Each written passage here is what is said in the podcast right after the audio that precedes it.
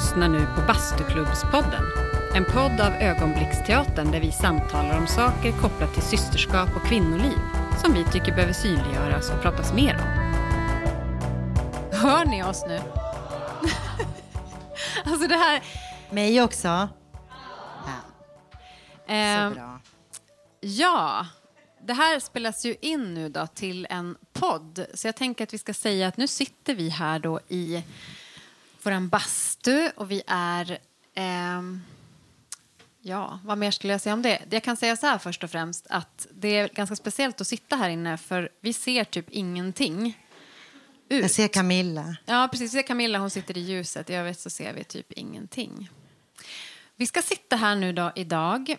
Mia, som är skådespelare i Bastuklubben, men också regissör och jobbar med eh, metodutveckling för jämställdhetsarbete, bland annat också. Du gör väldigt många olika saker. Ja, det gör jag. Ja. Men nu sitter vi här också därför att både du och jag har ju tre barn Ja. och alla är pojkar. Ja. Ja. Och då har vi pratat, eller vi har tänkt att det skulle vara intressant att prata om hur gör vi för att liksom plantera strategier av systerskap hos dessa pojkar? Mm. Ehm, Mina... Alltså, jag ska också lägga till det. Jag har ju frågat. De identifierar sig som pojkar, så än så länge. Det detta kan ändras, men just nu gör de det. Eh, och de är ju då 15, 18 och 21. Så de är ju liksom människor nu, om du förstår vad jag menar. Och eh, är på väg bort och ut i livet. Hur gamla är dina? ja, alltså jag har ju då tvillingar som är 12 och sen så har jag ju en ny som är ett och ett halvt. Just det. Så att vi är ju som i två ganska olika lägen Mm. i livet. Men det är bra. Mm, det är bra. Jag behöver dina strategier. Just det, för att jag är färdig nu. ja. Nej, men jag sa det till Mia här innan också att för mig så när vi har suttit, vi har delat väldigt mycket under arbetet med Bastuklubben runt omkring föreställningen också och för mig så ser jag väldigt mycket Mia som en förebild i liksom hur, du, hur, du, hur du verkar hantera dina barn och samtal med dem och så. Jag tänker mycket på att jag önskar att att det ska vara så för mig också när de är i den åldern.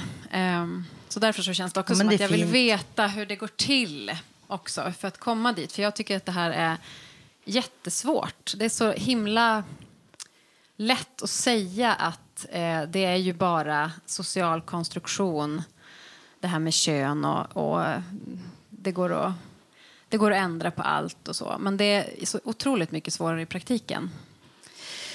Jo, men det är ju det. Det är fint att du säger att jag är en förebild. Det tackar jag för. För det är ju sådär, jag tänker på moderskapet i sig då, oavsett vad man har för barn. Så tänker jag liksom att eh, varför jag säger det, för jag tänker så här, det finns liksom en, en skulden jag alltid kände som mamma, den är liksom alltid så här äh, påtaglig. Jag har gjort så mycket fel, tänk om jag gjort det så. Särskilt när de är på väg bort, liksom. deras barndom är över, jag kan inte ändra på någonting.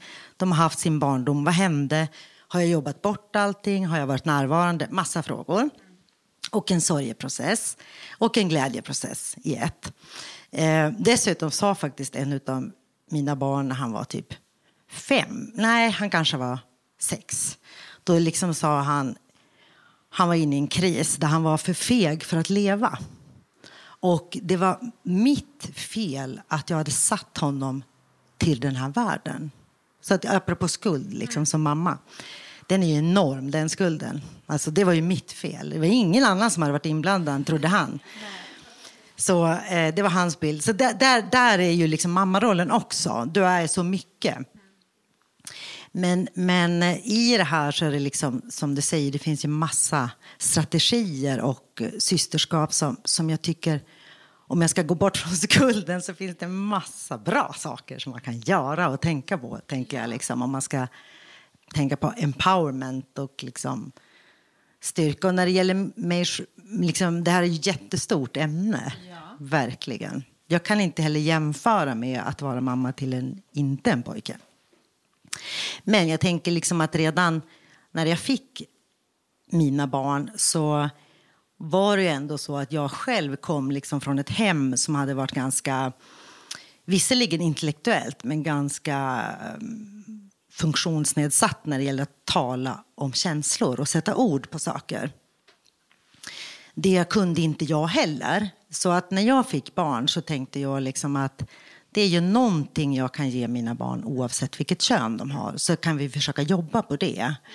Och då, får jag, då har jag liksom fått jobba på det genom att gå i terapi och försöka liksom gå en sån bit. För att jag måste ju ändra på mig om jag ska kunna delge det till barnen. Ja. Och jag tänker bara på att mitt barn sa att jag är för feg för att leva. Jag blev väldigt glad när han sa det. För då satte han ord ja. på en känsla. Så då kände jag bara yes. Så, så det är dubbelt det här. Men, men det är liksom den strategi som jag själv har. Men hur har du gjort det då? Alltså jag menar så här, har ni pratat jättemycket om känslor eller har du liksom frågat fram en massa? Hur mår du? Hur är det? Alltså hur har du liksom... Jag har famlat väldigt mycket så att det är väl liksom... Men bara på dagis, jag börjar ju med så här, du vet, jättejobbig mamma när de frågar så här, vad tycker du är viktigt för ditt barn? Ja, men att han får känna alla känslor. Att ni inte försöker stoppa honom när han gråter. Att han eh, får vara glad, att han får liksom sådana saker. Att hela tiden tänka på det, att inte stoppa. Att jag vill ju liksom att mina barn skulle ha ett stort register av olika saker. Eh, och sen följ, har ju det följt vidare så att jag liksom Absolut, hur mår du? Men det vill de ju ofta inte svara på. Så det är som att hitta strategier för det. Mm. Mm. Sitta vid legot, eller som nu de sista åren, övningsköra är jättebra. Ja, ja, det är lite som att sitta i bastun. Man ja. sitter liksom bredvid varandra och behöver inte titta på varandra heller när man pratar. Nej, Nej. det är en jättebra strategi faktiskt. Mm. Och att det blir att ta sig tid ja. också. Bestämd tid. Precis. Mm. Och att kanske vara jobbig utåt. Nu är det liksom också så där... När jag säger att jag är jobbig så är det ju faktiskt så i det samhälle vi lever så lever vi i ett väldigt patriarkalt samhälle. Så är det ju. Så dina pojkar kommer att utsättas för våld. Eh, de kommer att utsätta sig, utsättas för liksom en väldigt hård mm eh, värld mm. där de också smalas in. Mm. i... Men det är det här jag tycker är så himla jobbigt. För jag tycker ändå att så här, fram till att de gick, alltså under hela hela förskoleperioden egentligen så tycker jag att det gick ganska bra att ändå så försöka liksom mota den där äh, världen på något sätt. Man kunde ha liksom sin bubbla. Och sen tycker jag att det har kommit in bara mer och mer och mer. Att det blir bara svårare och svårare. Och att nu tycker jag att det kan vara Alltså nu blir det så otroligt påtagligt hur lite tillgång de har till det som vi har pratat om idag, det som hela bastuklubben och publikationen handlar om. Att, eh, ja, men hur, hur lyckliga de kan bli när en, en kompis säger någonting som inte är nedsättande. Ja. Alltså det snarare är liksom som att varenda sak en säger, alltså som de säger till varandra, det är liksom att du är trash, du är dålig, varför är du inte... Gud, vad, alltså att det liksom är hela tiden det mindsetet som de, som de, de umgås igenom. Mm. Och att, ja, bara så väldigt extremt destruktivt typ sätt av socialisera. Och sen tänker jag att de i grunden inte egentligen har tränat på det, utan att det är någonting de har mött. Liksom. Um, och hur, hur bemöter man det då? Jag vill ju bara byta, sätta dem i en annan skola typ. Alltså... Ja, vi har ju bytt skolor. det är ju det som är grejen. Nej, men så har det varit, absolut. Och det har blivit bättre? För jag tänker också att det är, här, det är ett sätt att lura sig själv för att det kommer att finnas överallt. Ja, en, en kombo liksom, tänker jag att... Dels så tänker jag att ni pratar ju annorlunda, apropå att vi är både ensamma som föräldrar till idag i, till barn. Man ska vara väldigt mycket. Sen är ju vi båda två två föräldrar, mm. tänker jag. Det gör ju också stor skillnad. Ja. Um, I att liksom strategier och hjälpas åt. Men sen så tänker jag att på gott och ont så är du inte heller ensam att påverka dina barn. Nej. Och när du går i en skola, alltså för oss var det ju så liksom att vår äldsta son gick i en klass där han... Då hade jag, det var liksom mitt första barn. Mm. Då hade du två som första, mm. så att, men jag hade ett. Då. Mm.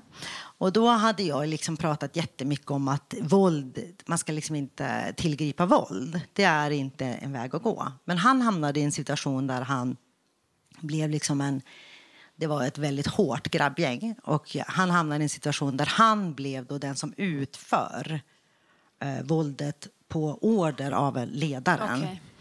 Så han var liksom rädd för ledaren och mådde jättedåligt för mm. det. Ja, hur som helst, då bytte vi skola. Mm. Då var han kanske nio år och när vi då kommer till den nya skolan då händer detta igen. Mm. Och då måste jag säga, nu spelas det här in, men jag säger i alla fall. Då sa jag till honom då, då hade vi pratat om icke-våld i väldigt många år. Mm.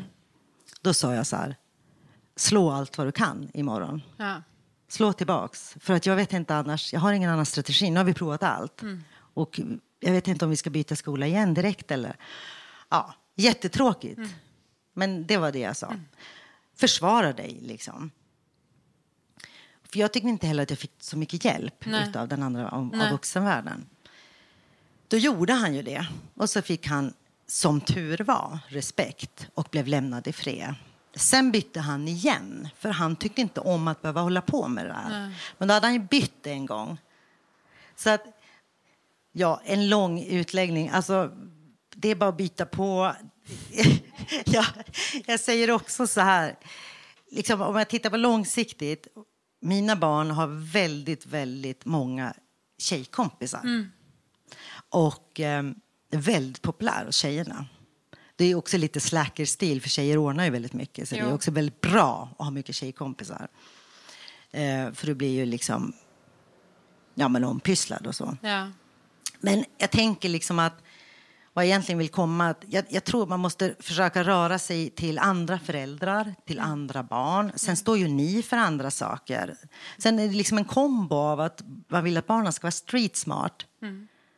Men samtidigt, jag kan ju heller inte utsätta dem för vad som helst. Nej, jag Men jag kan inte låsa in dem Nej. heller, för vi lever i ett Försöker samhälle. med det, men ja, jag vet. Bra. Men en dag kommer de liksom, Rapunzel vill ut. Ja. Nej, men jag försöker tänka också så här, jag tror att jag har gjort ganska mycket så att jag liksom har att jag tänker att så här, det du gör påverkar väldigt mycket den du är och den du blir. Så att om jag liksom försöker eh, inviga dem i mycket som är det det andra, om man nu ska ta våld eller... Eh, jag menar alltså så här, vad, vad, kan, vad kan barn leka med som handlar om att skapa relation, till exempel? För det kan ju vara olika saker. Eller Eh, och om de får vara med mycket och liksom så här, eh, laga mat eller så här, de hatar att hjälpa till med vissa saker men att jag har verkligen varit så här, stått på mig och bara men för att jag tror att det, någonting händer med ens liksom, seende av att göra de här sakerna. Alltså, eh, apropå det där med om någon bara håller på och så här, eh, sopar för dig så kommer du inte kunna se de där sakerna och kunna ställa frågan sen det, verkar som att du behöver hjälp. För jag tänker att det är mycket det det handlar om. Att så här, um, inviga dem i liksom ett arbete som vi många gånger gör. Ja. Kvinnor. Mm. Alltså, um, och därför så, jag vet att du och jag pratade om det för länge sedan. Um, typ när jag var ganska ny i Umeå tror jag. Att jag var så här, att de var också med mig så här, på toaletten till exempel när jag hade mens och sånt. För att jag ville att de skulle liksom så här, se hur det gick till och så få en förståelse för eh, för kvinnokroppen. var, jag var lite blyg för det. Du bara, det skulle nej, jag nej. Jag vill vara i fred med min mens faktiskt. Ja. Och då när du hade sagt det, då kände jag så här, jaha, Ska jag ta in dem på toaletten och visa? jag gjorde inte det, för jag kände bara det där får de lösa ja, sen. Men också var de ju äldre än mina. Liksom. Mina var ju bara så här, jätte... Ja. Men i alla fall, jag tror ändå att det har betydelse vad jag liksom vigs in i. Ja, och vad absolut. som känns bekant då för mig. Um, men sen blev det så påtagligt. Vi var i en situation när deras kusin som är lika gammal men flickbarn um, så var vi i stugan och så skulle vi hålla på och göra något. Varpå hon är sådär exakt som eh, ja, men, behöver du hjälp med någonting? Eh, ha, vad ska jag göra nu? Eh, och jag bara kände hur, hur eh, det var så ovant. Och då kände jag också bara, okej, okay, det, det har inte blivit så. i mitt hem. Nej. Och så kände jag mig lite så här, ne- åh, jaha, liksom vad... Ah, hur får man till det där liksom? Någon känsla av att här, vi hjälps åt med, med livet. Jag, jag tänker, systerskap för mig, apropå att praktisera det, liksom, det är ju jättemycket av att dela, dela mitt liv med andra människor. Eh, Det är att praktisera systerskap, alltså där, jag, där jag vill leva tillsammans med andra. Jag vill inte leva ensam här. Nej. Och jag har väl haft lite den strategin också, att jag delar mitt liv. Kanske inte, Just det. kanske inte Berättar om, mensen, Typ. men- Nej, inte mensen. men mycket annat. Mm. Alltså känslor, eh, frustration, eh, kanske ibland för mycket ilska, sorg. Men jag har tänkt liksom att hellre lite för transparent än liksom en hemlig. Mm. Och det är mycket för att jag tänker att jag menar, att, att, att man kan inspirera varandra. Att, Mm. att det kanske blir att de vill också dela. Och sen det här är liksom... Det är inte alla flickor som är så bra att hjälpa till hemma heller. Nej, förstås inte. Jag är urusel. Ja. Nej, men och det är det här, det går ju inte heller att ha någonting att jämföra med annat än de flickbarn som jag träffar. Nej. Och liksom hur relaterar de till mig? Jag märker ju att det är ett annat sätt att relatera någonstans ändå. På det sättet, det låter jättehemskt, men ibland kan jag tycka att det är skönt att jag har tre söner. För att jag vet inte... eh, Hade jag liksom... Nej, hur stor skillnad det hade blivit. Ja, ja. hur stora krav hade jag haft Ja, på dem? ja. Liksom, nu har jag ju försökt tänka att okej, de behöver det här. Eller, liksom. Sen är de ju tre individer, men du förstår vad jag Ja, menar, jag så här, apropå sådana där saker. Men det där med att dela, det, det var bra. Det var bra, det ska jag tänka på. Jag har varit ganska dålig på det tror jag. Alltså, men jag tror att det är också någon så här skada, fråga fram-skadan. Att det är så mycket lättare att ställa frågor och liksom lägga intresset hos den andra. Liksom.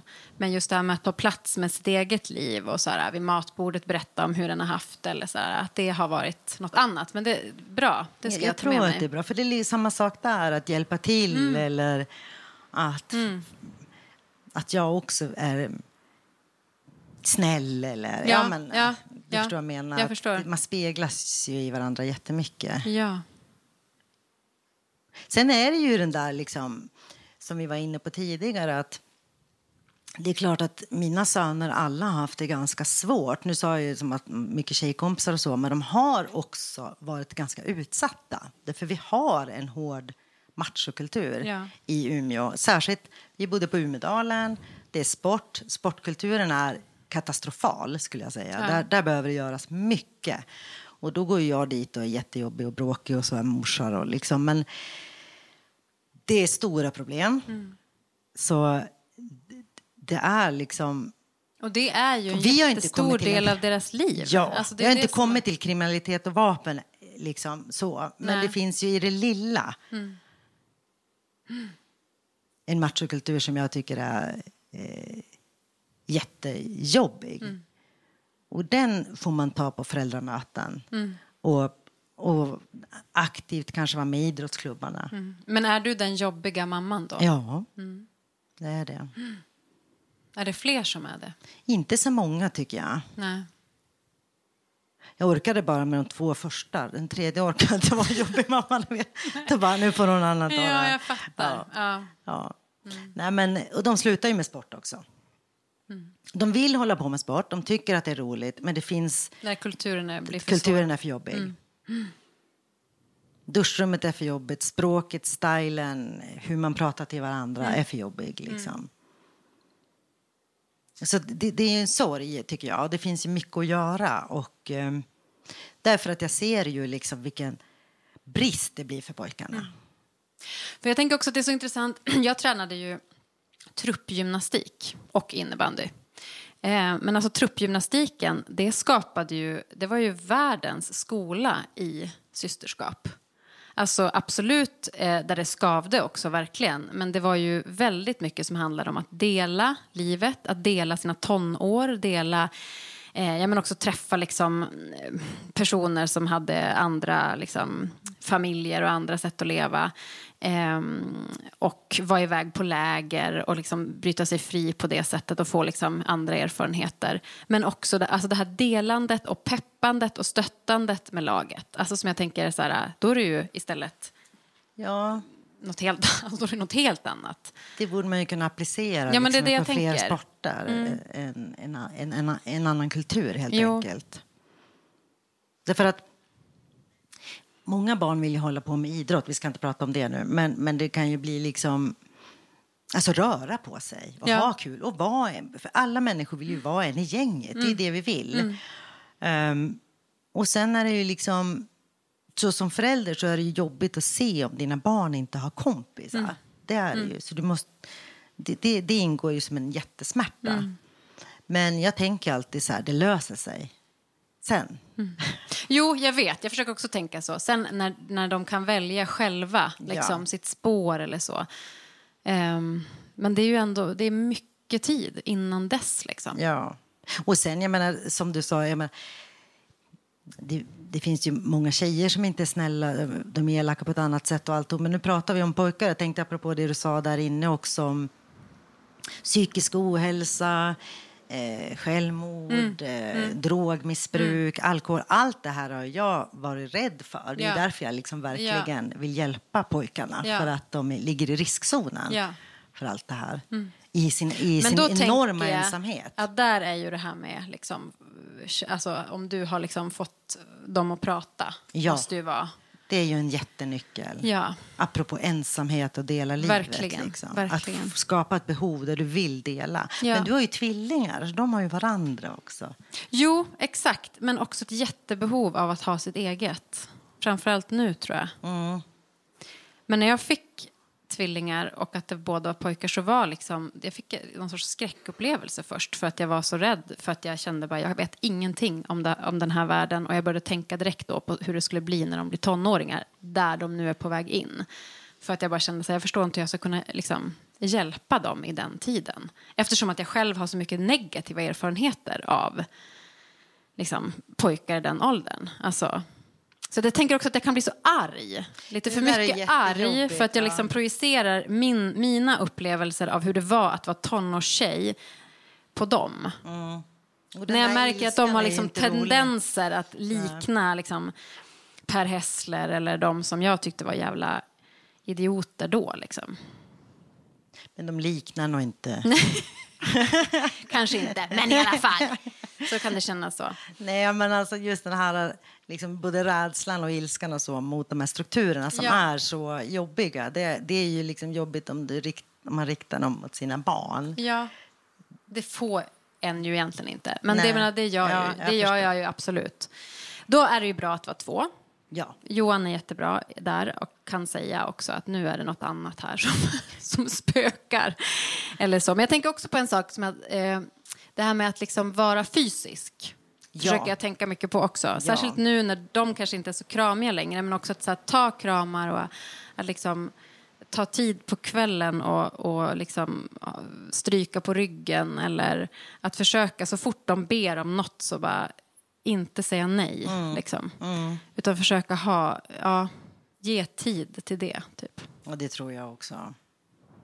Jag, jag, är inte, jag är inte jätterädd för andra föräldrar. Alltså, nu säger jag så för att jag... Alltså, jag har varit så konstig så mycket och ganska jobbig.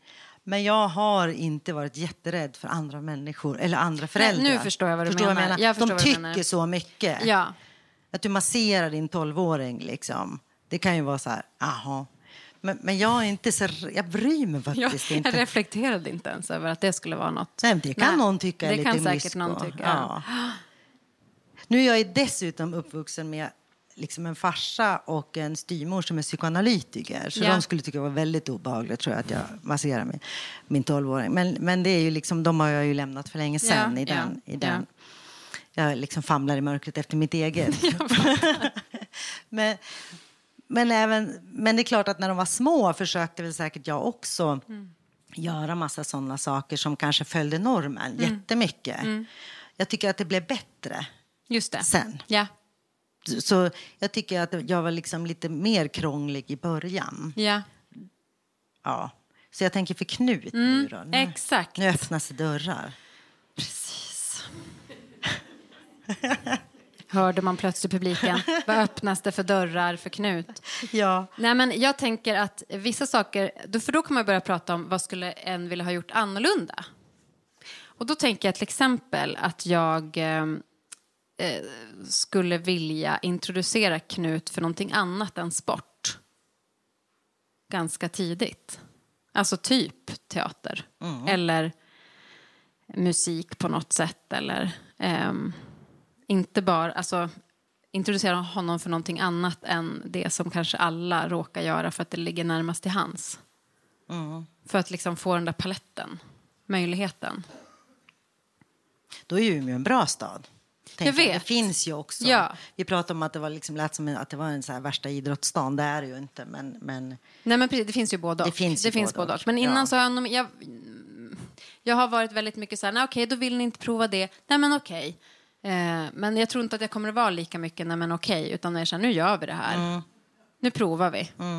en termin brukar jag säga. Har Ja. man satt igång en grej, då får det gå terminen Ja. ut. Det brukar vara min regel. Ja. Alltså, Ja. någon kanske tänker något där inne. Jag tänker, de tänker säkert jättemycket. Ehm, Jag frågade eh, mina tre pojkar inför att vi skulle sitta här i bastun. Kan ni ge mig ris och ros? Hur det är, inte liksom mamma överlag, det blir för mycket. Det blir som uppsatser, eller får de göra själva sen. Men ris och ros att ha en feminist och ganska jobbig feminist, Ja. aktivist som mamma. ja.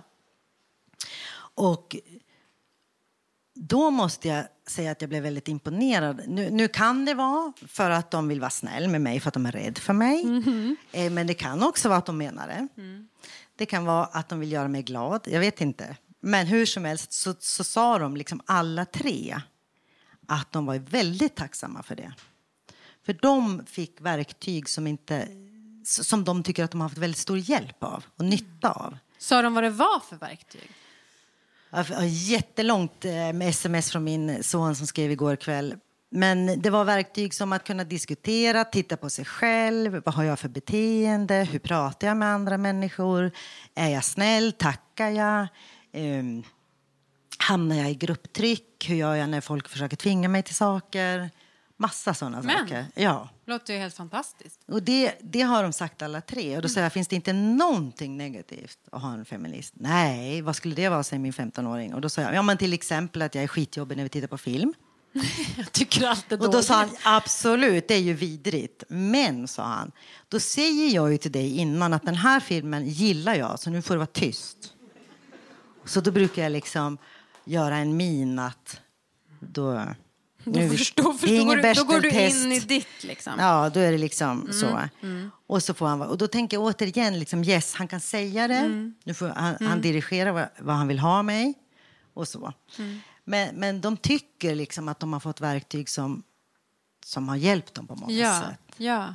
Och då skulle inte jag säga liksom att utifrån sett att mina barn har haft en liksom lätt barndom eller att de inte har haft svackor eller mår dåligt, alltså massa sånt.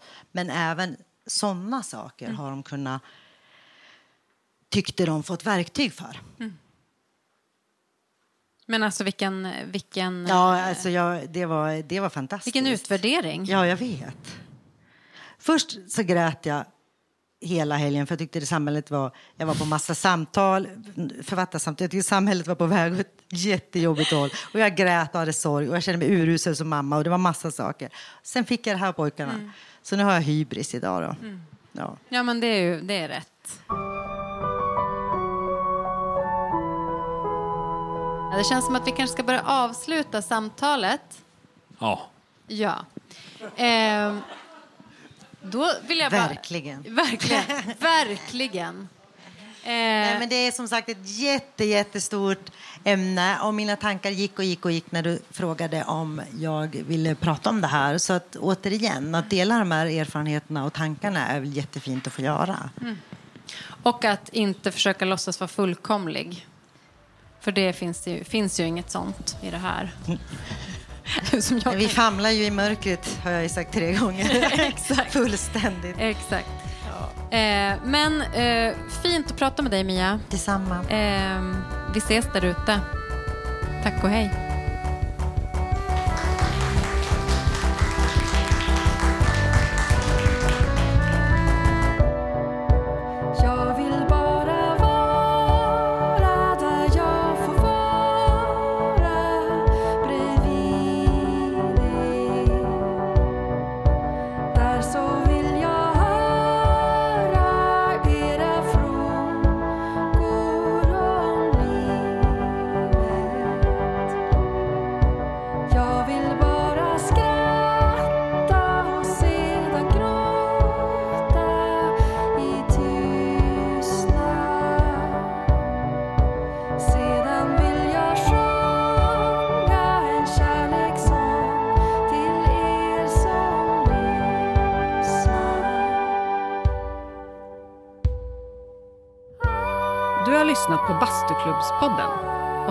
Blir sugen på att starta en bastuklubb och att praktisera systerskap kan du exempelvis beställa vår kortlek. Gå då in på www.ogonblicksteatern.se och läs om bastuklubben och hur du kommer i kontakt med oss.